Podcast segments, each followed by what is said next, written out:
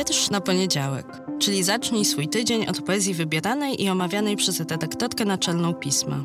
Nazywam się Magdalena Kicińska i zapraszam do słuchania podcastu.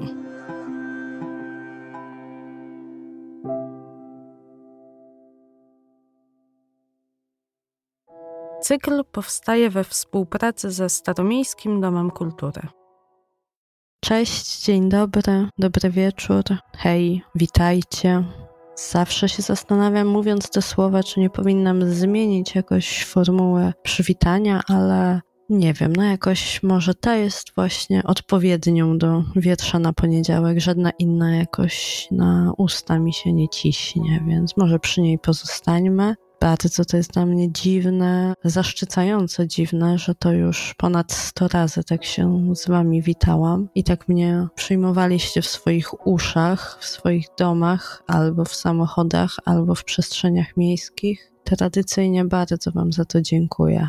A w dzisiejszym odcinku podcastu pozostaniemy w Ukrainie i w świecie jej poezji, nie tylko dlatego, że jak zresztą powtarzam tutaj od wybuchu wojny, po prostu jesteśmy jej to winni i powinniśmy teraz słuchać jej głosu, poznawać kulturę, literaturę, nadrabiać zaległości i zaciekawiać się tym, co stworzyli twórcy i twórczyni. Ale tym razem obok tego okrutnie aktualnego powodu jest i drugi bo w kwietniowym numerze, numerze, który już od tygodnia jest dostępny ze wstrząsającą, świetną okładką, którą przygotował dla nas Wilhelm Sasnal, w tym numerze publikujemy wiersz poetki ukraińskiej Kateryny Kałytko, która w tym roku jest nominowana do Nagrody Europejski Poeta Wolności.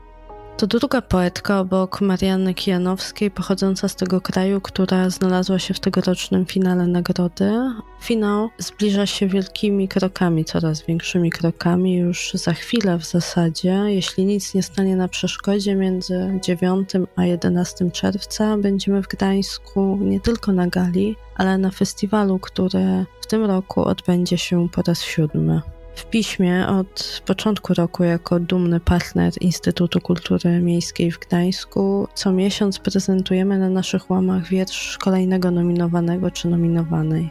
I to jest właśnie ten drugi powód, dzięki któremu pozostajemy w kręgu ukraińskiej poezji. Ostatnio było klasycznie, sięgaliśmy głębiej w literaturę ukraińską, a tym razem dzięki Katerynie Kałytko będziemy mieli okazję poznać jej współczesną odsłonę. Kateryna Kałytko. Wiersz bez tytułu. Przełożyła Aneta Kamińska. Czyta Kamil Pruban. Zgubiwszy klucze od świata, gdzie wszystkich jest podwoje albo więcej, siedzi na progu, czeka, aż ktoś powróci.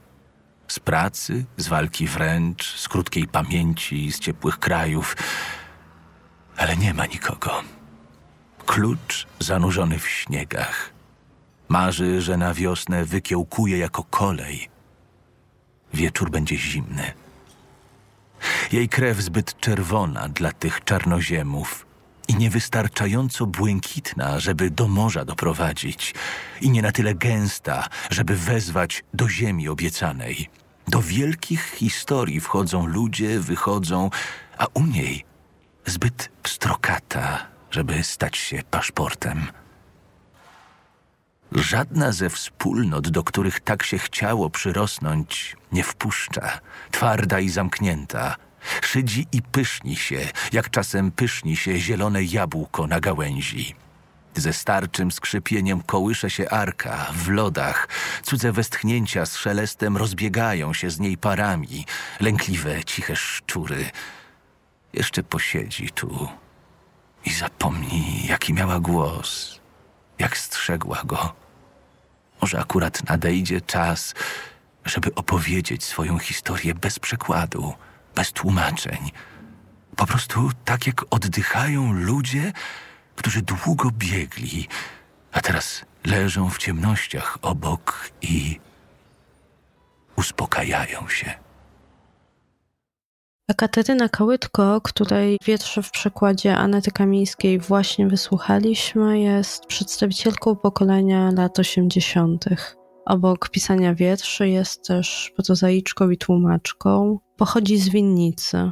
Ma już na swoim koncie kilka książek poetyckich i kilka ważnych nagród literackich, innymi nagrodę imienia Konrada Korzeniowskiego, którą przyznaje Polski Instytut w Kijowie. Jest też tłumaczką i popularyzatorką współczesnej literatury Bośni i Hercegowiny. Należy do ukraińskiego penklubu w Polsce właśnie dzięki Anecie Kamińskiej. Jej wiersze zostały zamieszczone w kilku antologiach, między innymi w 30 wierszach z zagranicy, Młoda Poezja Ukraińska. Bardzo Was namawiam do sięgania po książki, które zawierają takie antologie. Mówiłam już o nich tu w podcaście. Kolejna antologia to Listy z Ukrainy, antologia poezji. Ona pochodzi z 2016 roku. A trzecia pozycja, na którą warto zwrócić uwagę, jeśli chce się poznać ukraińską współczesną poezję, to Wschód-Zachód, wiersze z Ukrainy i dla Ukrainy, która ukazała się w 2014 roku. A teraz Kałytko, tak jak wspominani tu już w podcaście inni poeci, jak Serhii Żadan czy Hałyna Kruk, relacjonuje w swoich mediach społecznościowych to, co dzieje się w Ukrainie i też aktywnie angażuje się w działania na miejscu. Po tym, jak kilkanaście dni temu świat obiegły doniesienia z Buczy, napisała na Facebooku: Wszyscy jesteśmy teraz odrętwiali z żałoby.